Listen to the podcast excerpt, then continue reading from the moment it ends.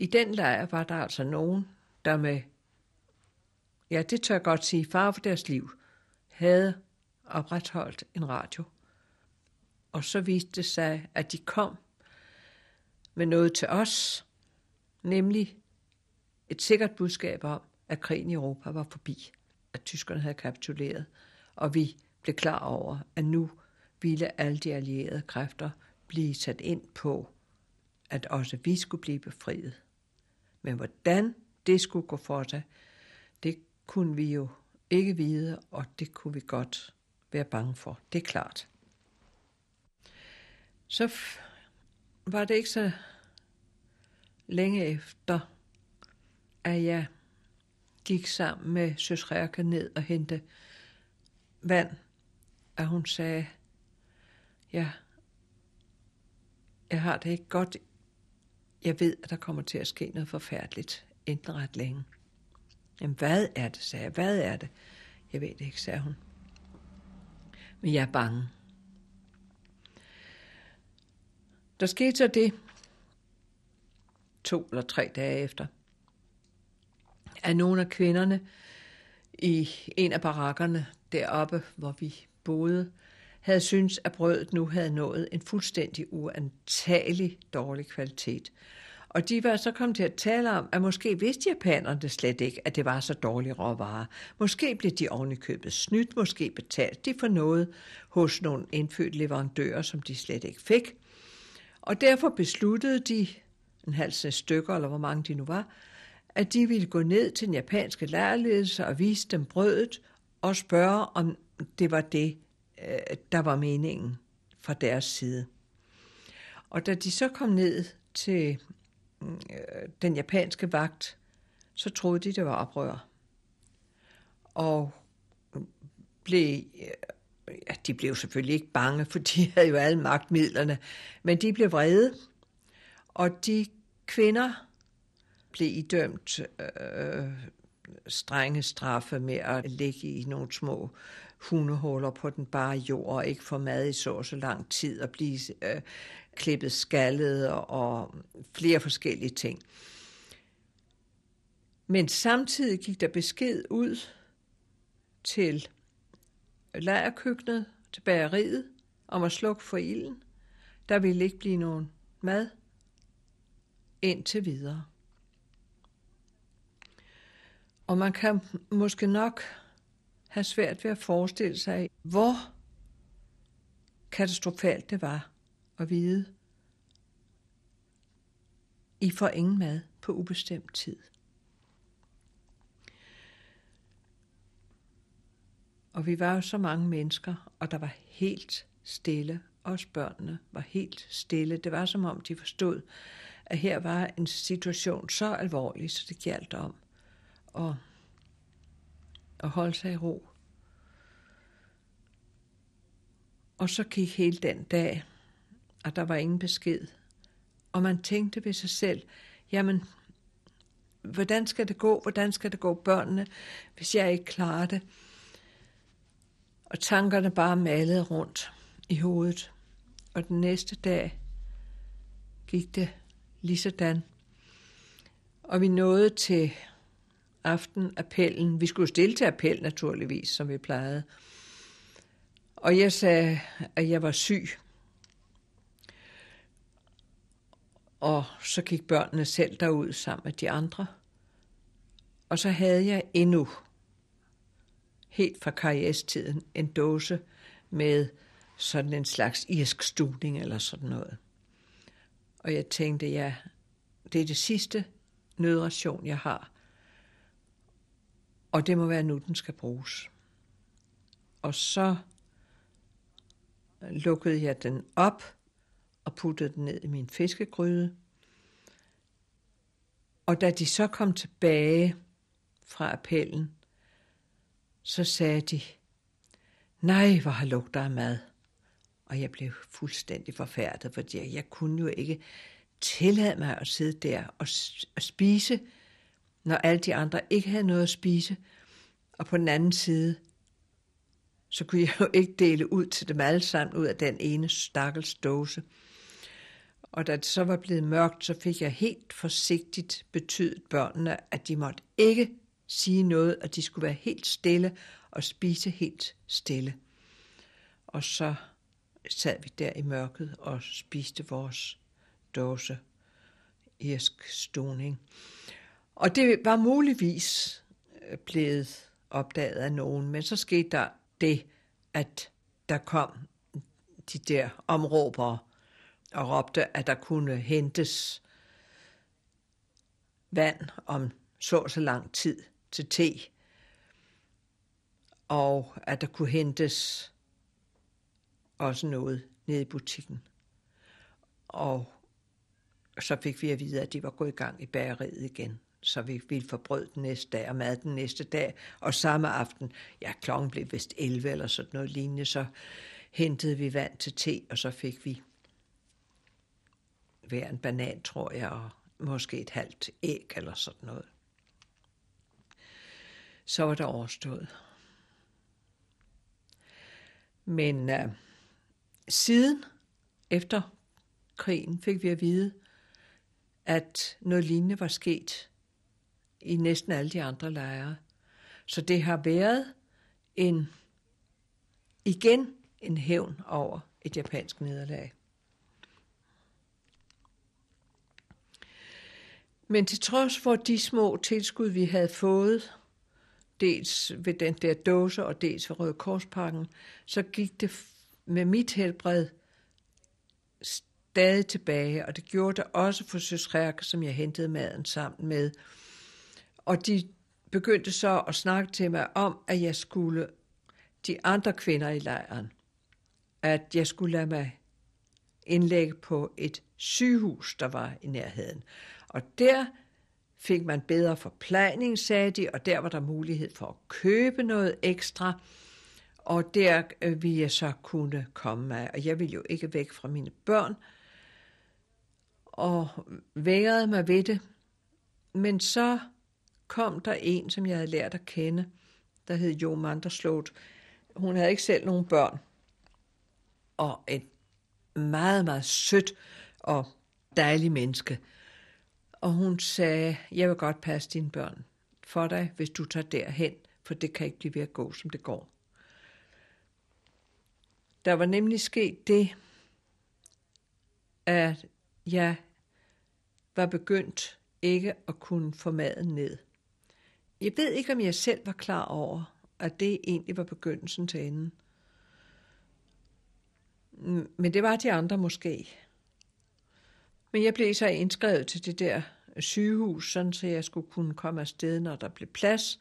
Og jeg kom så afsted, jeg ved som ikke, hvornår det har været, i begyndelsen af juli 45 måske.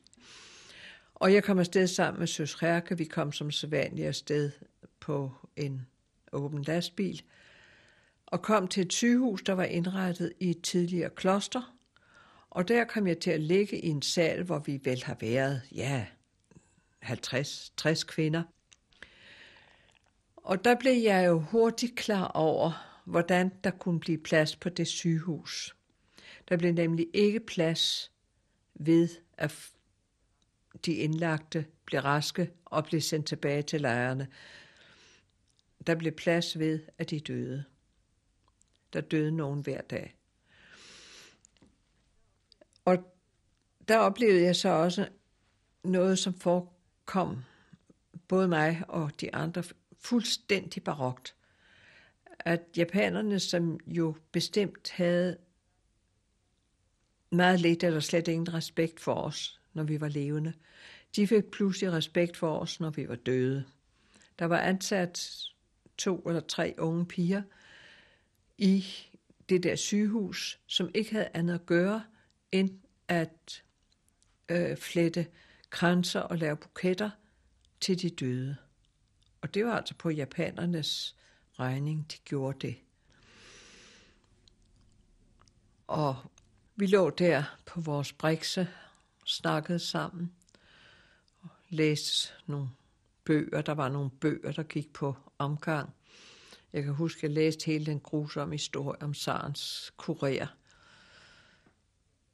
Og så gik jeg jo hver dag hen og snakkede med søs Rærk, og vi sad der og fortalte om vores øh, forældre og vores barndomshjem og vores mænd og vores forventninger. Det forekom også helt grotesk, at vi sad helt alvorligt og prøvede at huske, hvad det egentlig var, man under normale forhold spiste morgenmad. Det havde vi helt glemt. Og vi sad sådan og prøvede at stimulere hinanden til at huske det. En dag sagde hun til mig, nu er der ingen grund til at være bange mere. Der sker altså ikke noget. Og jeg troede helt sikkert på det, og jeg slog mig så også til ro med det. Så en skøn dag fik vi dobbelt portion ris, og det undrede os virkelig meget. Næste dag var almindelig. Så fik vi igen dobbelt portion ris, og så blev der pludselig omdelt blyanter til os alle sammen.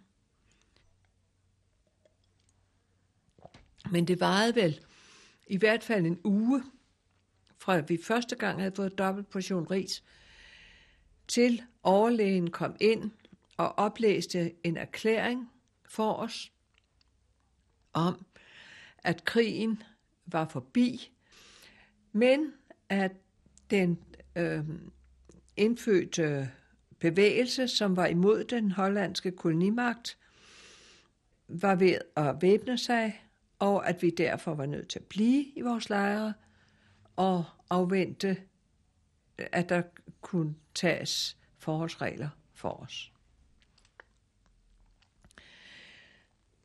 Den befrielsesglæde, som man havde kendt andre steder, den fik vi så altså ikke, fordi da han kom med sin erklæring, så vidste vi jo sådan set, at det var forbi. Det eneste øjeblik, vi fik, der gav os en rigtig glad fornemmelse, det var, da der kom en flyver, der gik helt, helt lavt hen over det kloster, hvor sygehuset var, og kastede en stor kasse med røde korspakker ned til os. En dag kom der besked om, at vi kunne sende post. Og jeg sendte så på må og få et brev til Jan. Men jeg vidste jo ikke, hvor han var. Og så skrev jeg et brev til mine forældre på noget af det der papir, vi fik udleveret, og med blyant. Og da vi ikke fik nogen konvolutter eller frimærker, så syede jeg brevet sammen og skrev deres adresse i Tostrup udenpå og afleverede det. Og tænk, det brev nåede stadig uden frimærker eller noget som helst hjem til det sted, hvor de var flyttet hen i København. Og det var jo det første brev, de fik siden det, jeg havde skrevet til min mors fødselsdag, eller på min mors fødselsdag i oktober 1941. De vidste jo slet ikke noget om, at jeg havde fået søsje, og de vidste heller ikke noget om, at vi var interneret. De vidste ingenting.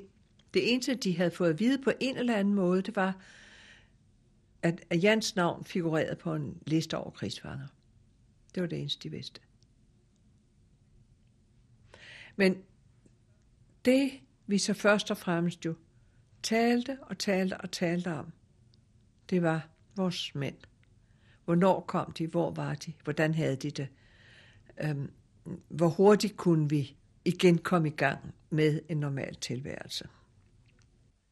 Men en skøn dag, så fik jeg brev fra Jo Manderslot, at Kampung Makassar helt var rømmet og opgivet, så de var alle sammen øh, blevet flyttet til Batavia. Det er det, der hedder Jakarta nu, som er hovedstaden. Eller den. Og Øh, de sad nu på et hotel, og de sad rigtig godt, og Og der var også et værelse til mig, hvis lægen synes, at, at, at det var i orden, at jeg rejste.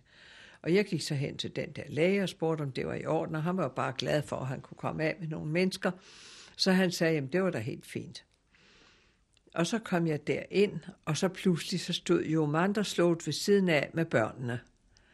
Og, og de var så glade, børnene, for at se mig igen. Og jeg var så glad for at se dem. Og det var jo bare så dejligt at være sammen med dem. Og hun blev jo ved med at tage sin del af, af pasningen, og vi var sammen om det, og vi havde det så hyggeligt sammen. Hun øh, havde hørt fra sin mand, han havde overlevet. Øh, de søgte nu om sammen og kom afsted på, på nogle rekreationsophold, som blev tilbudt øh, i Australien og på New Zealand, og det søgte de sig om. Men indtil da øh, sad han et eller andet sted, Sumatra, eller jeg ved ikke hvor. Så forløbig blev vi sammen på det der lille hotel. Vi fik nok at spise, men det var tomme kalorier, vi fik. Og det lagde sig sådan på mig bare udenpå, som, som, som sådan fedt. Men øh, øh, børnene hjalp det mere på. Og det hjalp blandt andet på, at de blev sådan meget livligere og begyndte at, at lege. Øh. en dag så kom jeg ind på værelset, og der havde jeg sådan en messingseng, en gammeldags messingseng med sådan nogle kugler på, og dem havde Søsje fundet ud af, at man kunne skrue af, og så havde hun taget de der kugler og stillet dem i en rundkreds, og så havde hun den der kludedukke, den der lille bundemand, og hun gik med bundemanden i hånden rundt og legede sangleje, hvor de der messingkugler figurerede som personer, og så legede hun, at de alle sammen legede sangleje sammen, og så gik hun og sang. Hun havde, de havde jo ikke før fundet på af sig selv at lege med ting, der kunne forestille noget. De havde ikke brugt deres fantasi. For i virkeligheden ved man godt, at børn ikke behøver legetøj. De kan godt bruge pinde og sten og alt muligt andet og få noget ud af det. Men det har de aldrig gjort i lejrene. Men det, som var slemt for mig, det var, at jeg ikke havde hørt fra Jan. Og jo længere det varede, og jo mere jeg blev klar over, at alle de andre, de havde hørt, så begyndte jeg jo at miste håbet. Men jeg var nødt til at have vidshed. Og så tog jeg hen til Røde Kors kontoret. Og der var så en dame ansat der, som fortalte mig, at Jan var blevet sat på transport med et skib til Sumatra, hvor de skulle over og arbejde. Og det skib var torpederet, og han og mange, mange, mange andre var omkommet ved den lejlighed. Og selvom jeg var forberedt på det, så var det jo alligevel så strengt at få vidsheden. Og jeg sad og græd hos hende og kom med et lamterklæde og kom med et glas vand og snakkede lidt og spurgte, hvor jeg nu var og sådan noget. Og sørgede så til sidst for at få en kørelejlighed til mig, så jeg kom tilbage og fortalte det til Jo. Og hun græd jeg igen, og hun trøstede mig så godt jeg kunne, men børnene blev bange og, og opskræmt over, at jeg græd. Og så måtte jeg prøve at holde op. Og, jo fortalte dem jo, hvad der var sket, men det sagde dem ikke noget, fordi hvad vidste de om, hvad en far var? Den de havde jo aldrig... Ja, Peter havde jo haft ham, han kunne jo ikke huske det. Og jeg kunne jo ikke tale med dem om Jan. Jeg måtte begynde at se fremad. Og det jeg så som fremtiden, det var at komme hjem til Danmark, hjem til min far og mor, hjem til huset i Tostrup.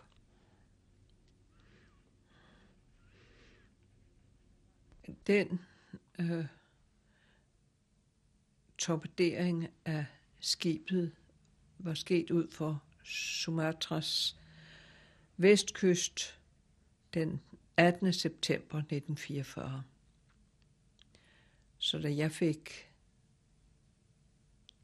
besked om Jans død, der havde han allerede været død i, et, i, i næsten et år.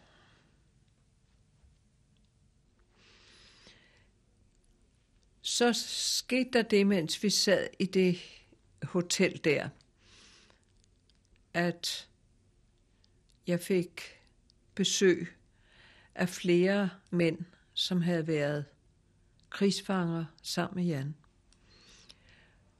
Og de kom ikke bare for at trøste mig, men de, de kom for at fortælle mig, hvor meget han havde betydet for dem som ven og kammerat i de krigsfangelejre, hvor de i perioder havde haft det ganske frygteligt, og i andre perioder lidt bedre. Men hvor han sagde, de hele tiden havde holdt sig meget sober, ikke ladet sig rive med af tilfældige rygter og stemninger og sådan noget.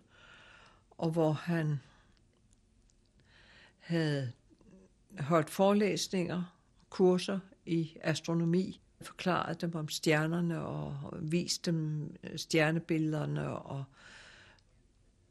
og det havde været en stor oplevelse for dem. Og han havde også øh, været med i skakturneringer og sådan noget, og som en af dem meget beskeden skrev, ja, han vandt jo altid, men når vi så spurgte ham, om det så ikke var kedeligt for ham at spille mere, så sagde han, nej, det ville han alligevel gerne. og det var en stor styrke for mig, eller en stor trøst, vil jeg snart sige, at vide, at han havde været så stærk og været så øh, afholdt og fået de venner, han havde fået. Og en af dem fortalte, at i en af lejrene, hvor de havde været, øh, var der blevet sørget for, at der kom et klaver ind. Og der havde blandt krigsfangerne været en, en rigtig pianist, koncertpianist, og Jan havde hørt de koncerter, han gav der i lejren, og havde også selv siddet og spillet på det klaver og fantaseret og komponeret. Det holdt han meget af. Og en af hans kompositioner var tilegnet denne Juan Lopez. Og jeg fik så adressen på ham og skrev til ham, han var på det tidspunkt kommet til Sydafrika. Og han var så, så venlig, det var pænt af ham at sende mig det originale manuskript til Jans komposition, der hed Østerlandsk Dans.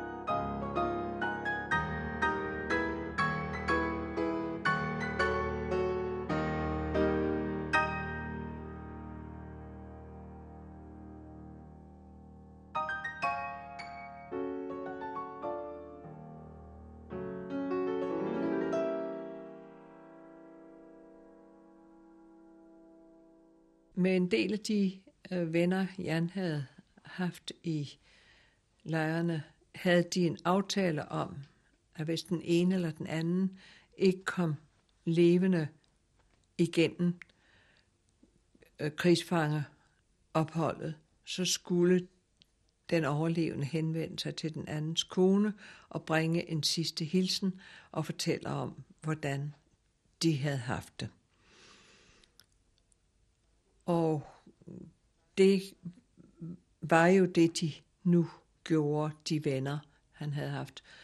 Og en af de hilsner, jeg fik, var fra en, der havde været med på den transport, hvor Jan omkom, men denne mand var altså kommet levende fra det, så det var i virkeligheden den aller sidste hilsen, han sendte os.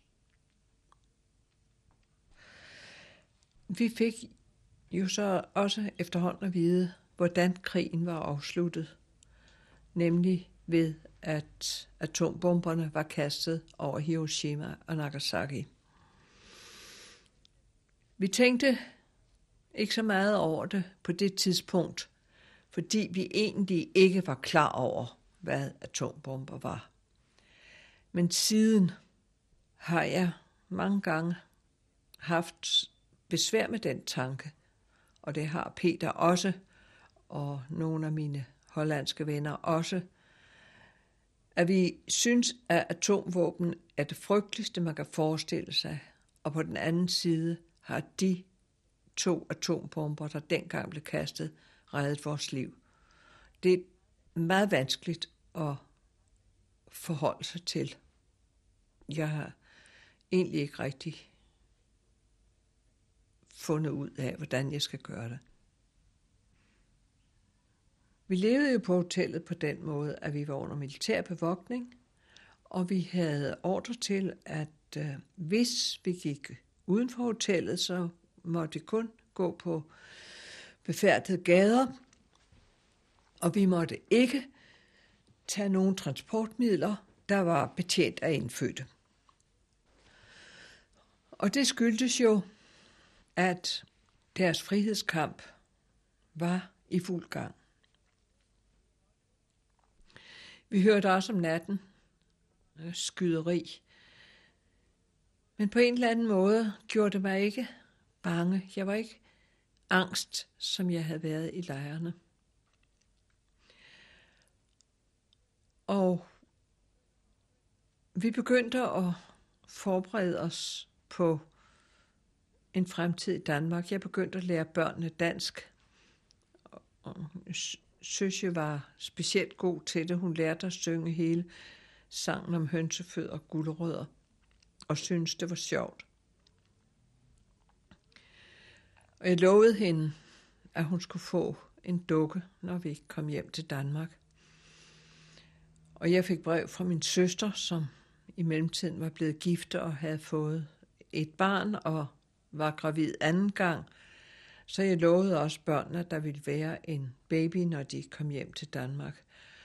Og det var de også meget optaget af, og de gik sådan rundt til de andre børn der på hotellet og pralede, sådan, jeg får en dukke og en baby.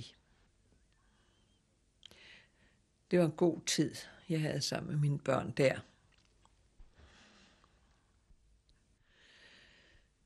Så kom der besked om, at nu var der en transportmulighed. Den første efter krigens ophør. Og den kom vi med på. Vi skulle møde en morgen tidligt, og det var ikke fordi forholdene var blevet så meget forbedret, andet end at vi stadig skulle op på ladet af en lastbil. Og øh, det var farligt, for i det område var der kampe, og der fløj flyvere lavt hen over os hele vejen for at sikre, at der ikke var nogen, der skød på os.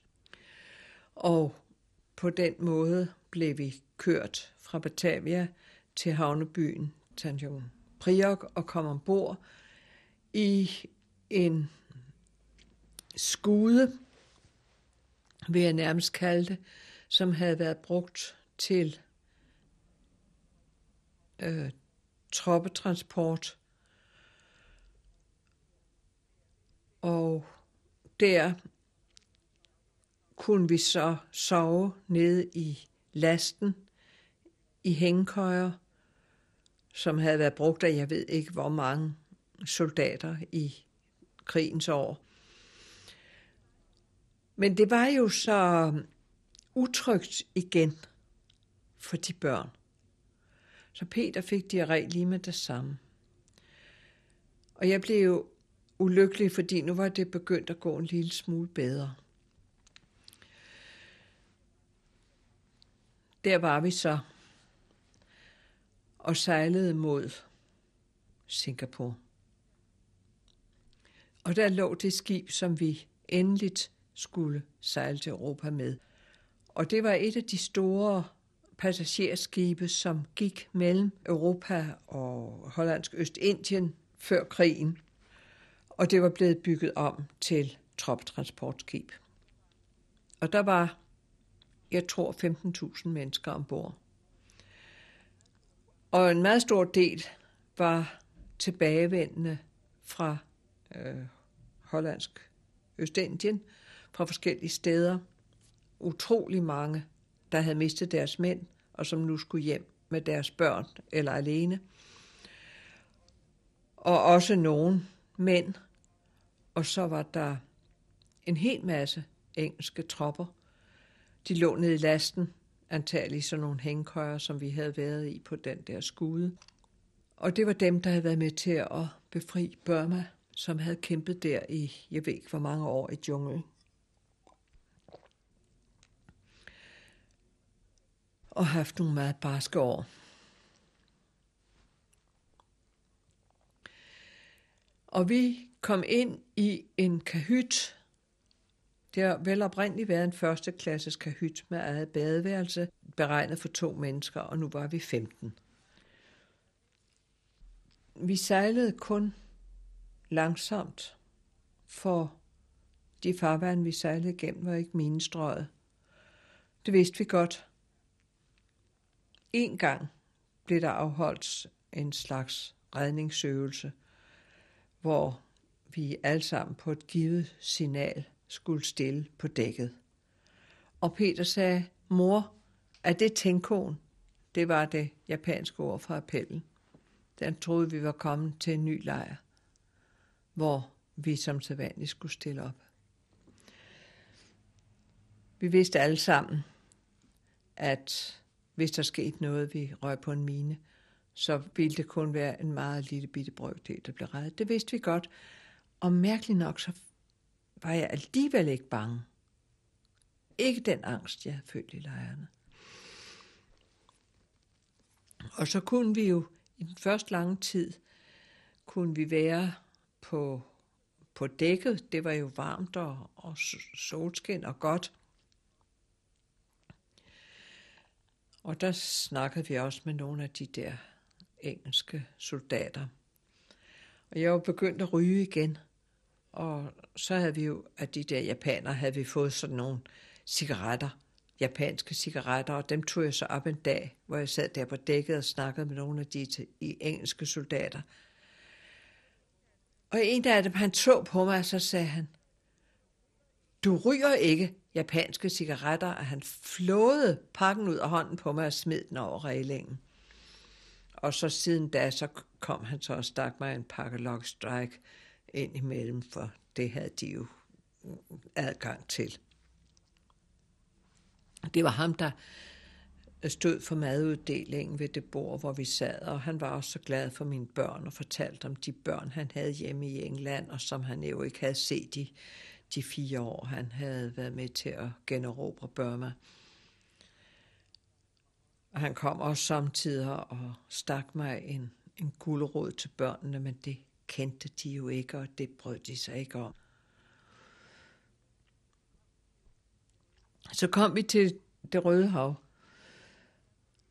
Det her, det foregår i december 45. Og når vi havde passeret Suezkanalen, så ville vi være inde i den europæiske vinter. Og vi var jo alle sammen kun forsynet med sommertøj. Og det var der også taget højde for, for der var en lokalitet i det Røde Hav, hvor der var blevet oprettet et Røde Korsdepot, hvor vi kunne øh, øh, blive forsynet med det mest nødvendige vintertøj. De første, de kom hjem og fortalte, fuldstændig begejstret, om alt det, de havde fået, og hvad der havde været at vælge imellem. Og der havde været iscreme til børnene, og der havde været frugt, og der havde været saftevand, og det var fuldstændig paradis, de var kommet til. Og vi glædede os.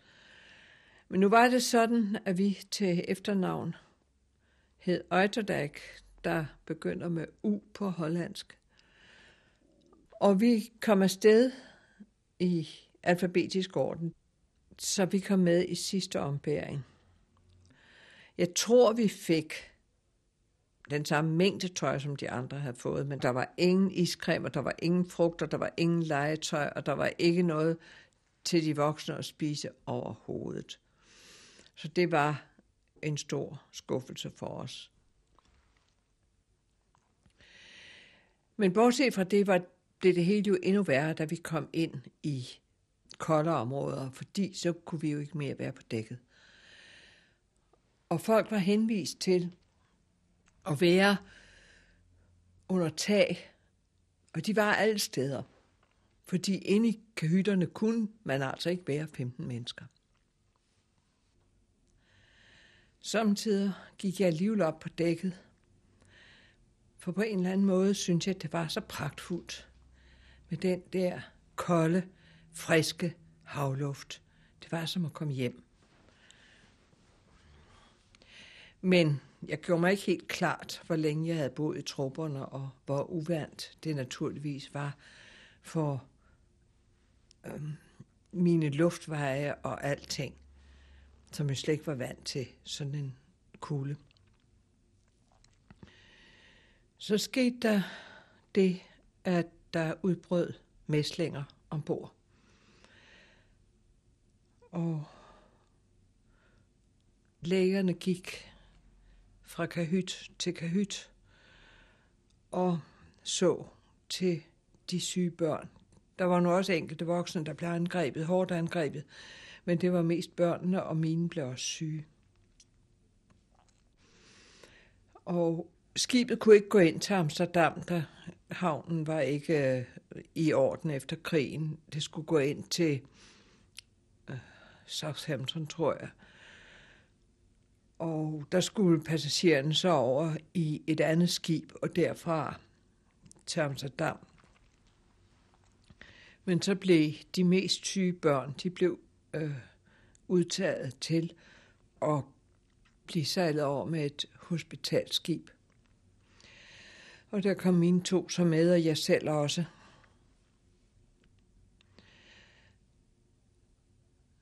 Vejen til Amsterdam var selvfølgelig ikke så lang, og så kom vi dertil, og der blev vi modtaget i en kæmpestor hal.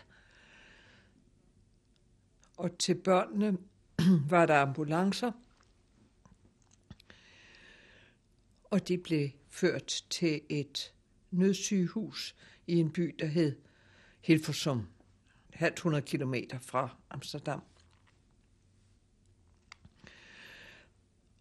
Og jeg fik så at vide, at jeg kunne få ophold på et pensionat et sted i Amsterdam. Og hvordan jeg kom derhen, det ved jeg ikke. Og hvordan der så ud på det sted, det har jeg heller ingen erindring om. Jeg kan kun huske, at jeg lå på et værelse. Og jeg så måtte finde ud af at komme hen og se til mine børn. Og der gik altså kun ganske få tog. Men jeg kom der dertil og har en forestilling om, at det var en villa, hvor de lå i et værelse op på første sal. Og de havde det dårligt, og jeg tog dem over i den samme seng, så vi kunne være sammen og sidde og snakke lidt og kæle lidt for dem og, og lovede dem, at vi nu snart skulle derhen, hvor vi skulle ende hjemme i Danmark. Og og de græd, da jeg gik. Specielt søsje græd så helt fortvivlet, da jeg gik. Og så kom jeg afsted med det tog og kom tilbage til det pensionater. Hvordan det alt sammen gik for sig, det kan jeg heller ikke huske. De dage flyder helt ud for mig. Men i hvert fald lå jeg på det værelse med feber.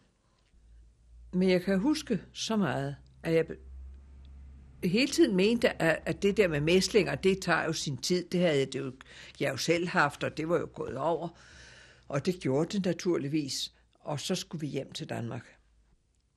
Men jeg ville besøge mine svigerforældre først.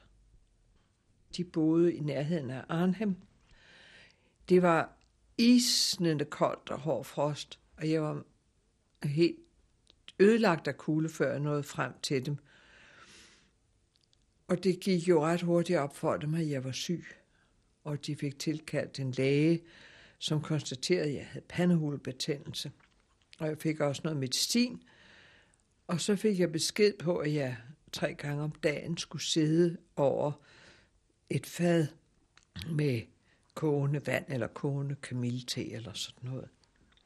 Og det gjorde jeg også. Og det er det, jeg bedst husker fra den tid, jeg var der hos mine svigerforældre. Det var det savantefad med sådan et, af sådan en engelsk fajance, med sådan et blåt landskab i bunden. Og så sad jeg så på det landskab i den damp. Ja, så spiste jeg sammen med dem. Og de fortalte, hvad der var sket dem i Holland under krigen. Og vi snakkede ikke om Jan. De sad med deres sorg, og jeg sad med min sorg, og vi snakkede ikke om det.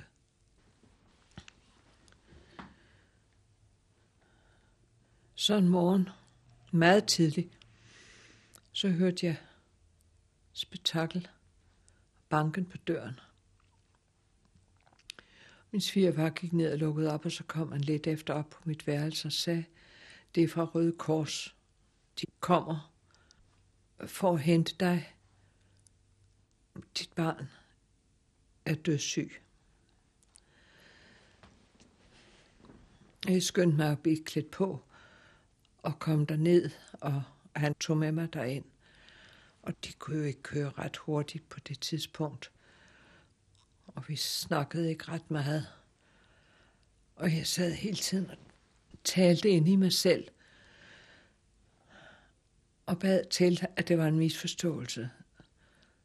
Det var et andet barn, ikke mit barn. Og så tænkte jeg, at det kunne jeg heller ikke være bekendt. Men at det var en misforståelse, at de i mellemtiden havde fundet på noget, som de kunne helbrede ham med. At, de, at det ikke måtte ske at det ikke måtte være sandt. Lad det ikke være sandt, tænkte jeg. Jeg kan ikke undvære ham. Lad det ikke være sandt. Lad mig beholde ham.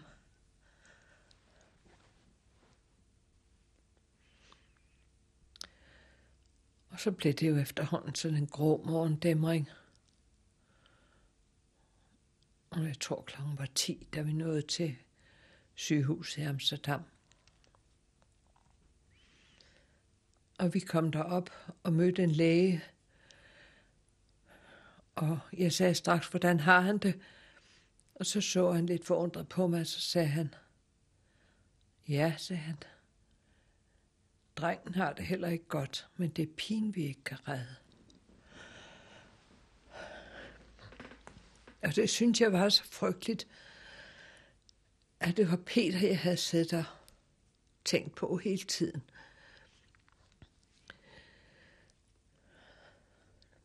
Det var fordi, det var altid ham, der havde været mest syg. Det var ikke fordi søs, jeg havde haft det for godt, men Peter havde været mest syg. Det var mest ham, der havde givet anledning til sorg og bekymringer. Derfor troede jeg jo også nu, at det var ham. Men det var det ikke.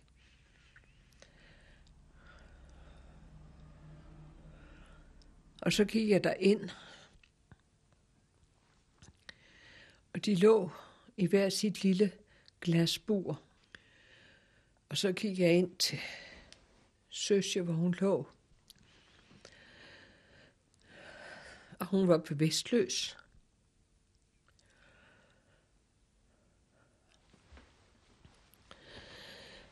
Og trak vejret så uroligt.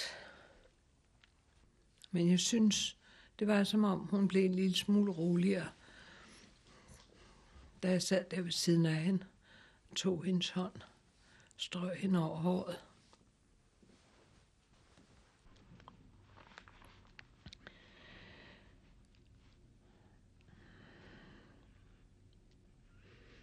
Jeg må sige, at de mennesker på det sygehus var noget af det sødeste og mest engagerede, jeg har været ude for. De gjorde ikke bare deres yderste for deres små patienter, men de var utrolig søde over for mig. De var enstående alle sammen. Og jeg sad der, jeg ved ikke, hvor længe jeg sad der. To dage, tre dage måske. Om natten sagde de, at jeg skulle gå ind og lægge mig i badeværelset på en borger og få lidt søvn. Og så, og så klokken tre om eftermiddagen, bare et lille suk, så var det forbi.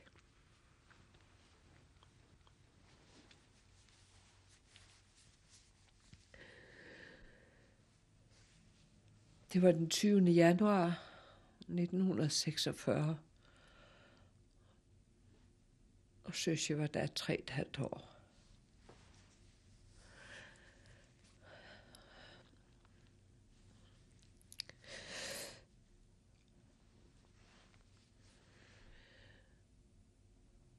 De næste dage løber også sådan lidt ud i et for mig. Men jeg må nok sige her, at jeg hele tiden havde været i stand til at skrive til dem derhjemme, eller telegrafere til dem, så de vidste hele tiden, hvordan det stod til. Og så fik jeg besked om hjemmefra, at far ville komme ned og være sammen med mig i en uge.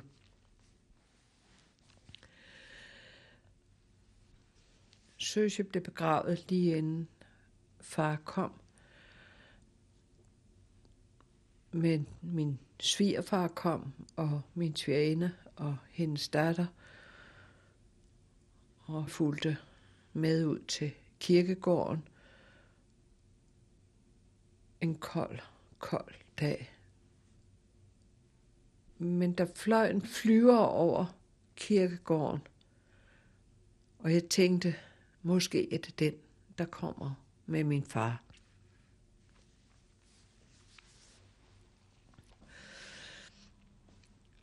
Og det, jeg snakkede med far om, det var ikke lejrene, det var ikke søsje, det var det derhjemme.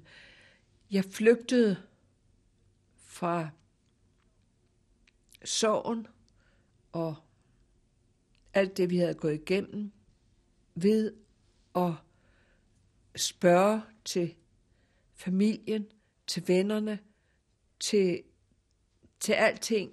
Jeg lige ind til, hvordan de havde det hos købmanden i Tostrup og hjemmebæreriet i Tostrup. Og jeg sugede simpelthen grådet til mig af den gamle tryghed. Men galt var det naturligvis, at jeg aldrig fik grædt nok. Og synes jeg, at jeg aldrig fik talt om hende, at jeg aldrig fik talt om Jan. Heller ikke med hans familie. Jeg besøgte hans forældre igen, men der talte vi heller ikke om ham, og heller ikke om Søsje. Og i den uge, hvor far var der, så gik vi hver morgen, når vi havde spist morgenmad, ind til sygehuset og sad ved siden af Peter. Og jeg prøvede og prøvede at få ham til at spise lidt og drikke lidt, og der var mælk nok og alting, men det var næsten ikke til at få noget i ham. Han var simpelthen så træt og så syg. Men derfor var det jo alligevel en stor glæde for mig, at far var der i den uge. Og da han var rejst, gik jeg lige hen til sygehuset Og der kom overlægen, og så sagde han til mig, det står meget dårligt til med Peter. Vi har prøvet alt, hvad vi har af midler, og det hjælper ham ikke. Nu har vi kun én ting tilbage at prøve, og det er, at vi tapper en stor portion blod fra dem. De må have været udsat fra den samme smitte som han. Og så må vi tage serum af deres blod og håbe på, der er modstoffer i det. Og det er den eneste chance, vi har. Og det gjorde de. Jeg ved ikke, om det er indbildning. Men jeg husker det sådan, at allerede den næste dag havde Peter det bedre. I hvert fald gik det meget hurtigt, efter han havde fået den serum, at han fik det bedre. Det var altså det, der skulle til. Dermed var jo slet ikke sagt, at han var rask. Det var han ikke. Men øh, det gik den rigtige vej. Og det var for dem på sygehuset, ligesom om, at det også var deres barn. At det også var et barn, de havde bragt til verden, fordi de havde reddet ham. Og han blev forkælet ud over alle grænser. Da den første sne faldt over Amsterdam, så gik sygeplejerskerne ud og hentede et stort vandfad med sne, og prøvede at lære ham at lave snebolde, som han kunne kaste op mod de der glasvægge. Det var da utrolig sødt tænkt af dem. Det gik langsomt, men det gik hele tiden fremad. Og til sidst kunne de sige på sygehuset, nu kan de arrangere hjemtransporten. Og så den 3. april fik jeg så arrangeret med en flybillet. Det var næsten tre måneder efter, at vi var kommet til Amsterdam. Og det fly, vi kom afsted med, det var sådan et, tror jeg, et, der har været brugt til troppetransport, hvor vi sad på små taburetter øh, ved siden af nogle små glukker, som vi kunne kigge ud af. Og det tog også utrolig lang tid. Vi var taget afsted om eftermiddagen, og det var blevet mørkt, da vi nåede København. Og det var simpelthen et så pragtfuldt og forjættende syn at gå ned over København med alle lysene og gadelygterne i lange lige striber og lys i alle husene. Det var sådan, ja, næsten at komme til et juletræ.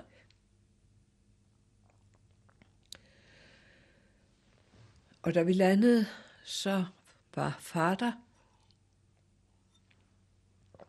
og han havde fået en ambulance, som kørte helt ud til flyet, så Peter kunne komme, slet ikke behøvede at komme ud, og vi kørte direkte med ambulancen hjem til Herf på hjørnet af Havnegade, hvor mine forældre nu boede, hvor jeg jo aldrig havde været før. Og Peter gik jo derind og så sig umådelig forundret omkring, for han kunne slet ikke huske, at han havde nogensinde havde set et rigtigt hjem med borer og stole og lamper og senge, og han gik og så sig helt forundret omkring på alt det der. Og inde i dagligstuen var der fuldt af blomster fra alle de mennesker, der ville ønske os velkommen hjem.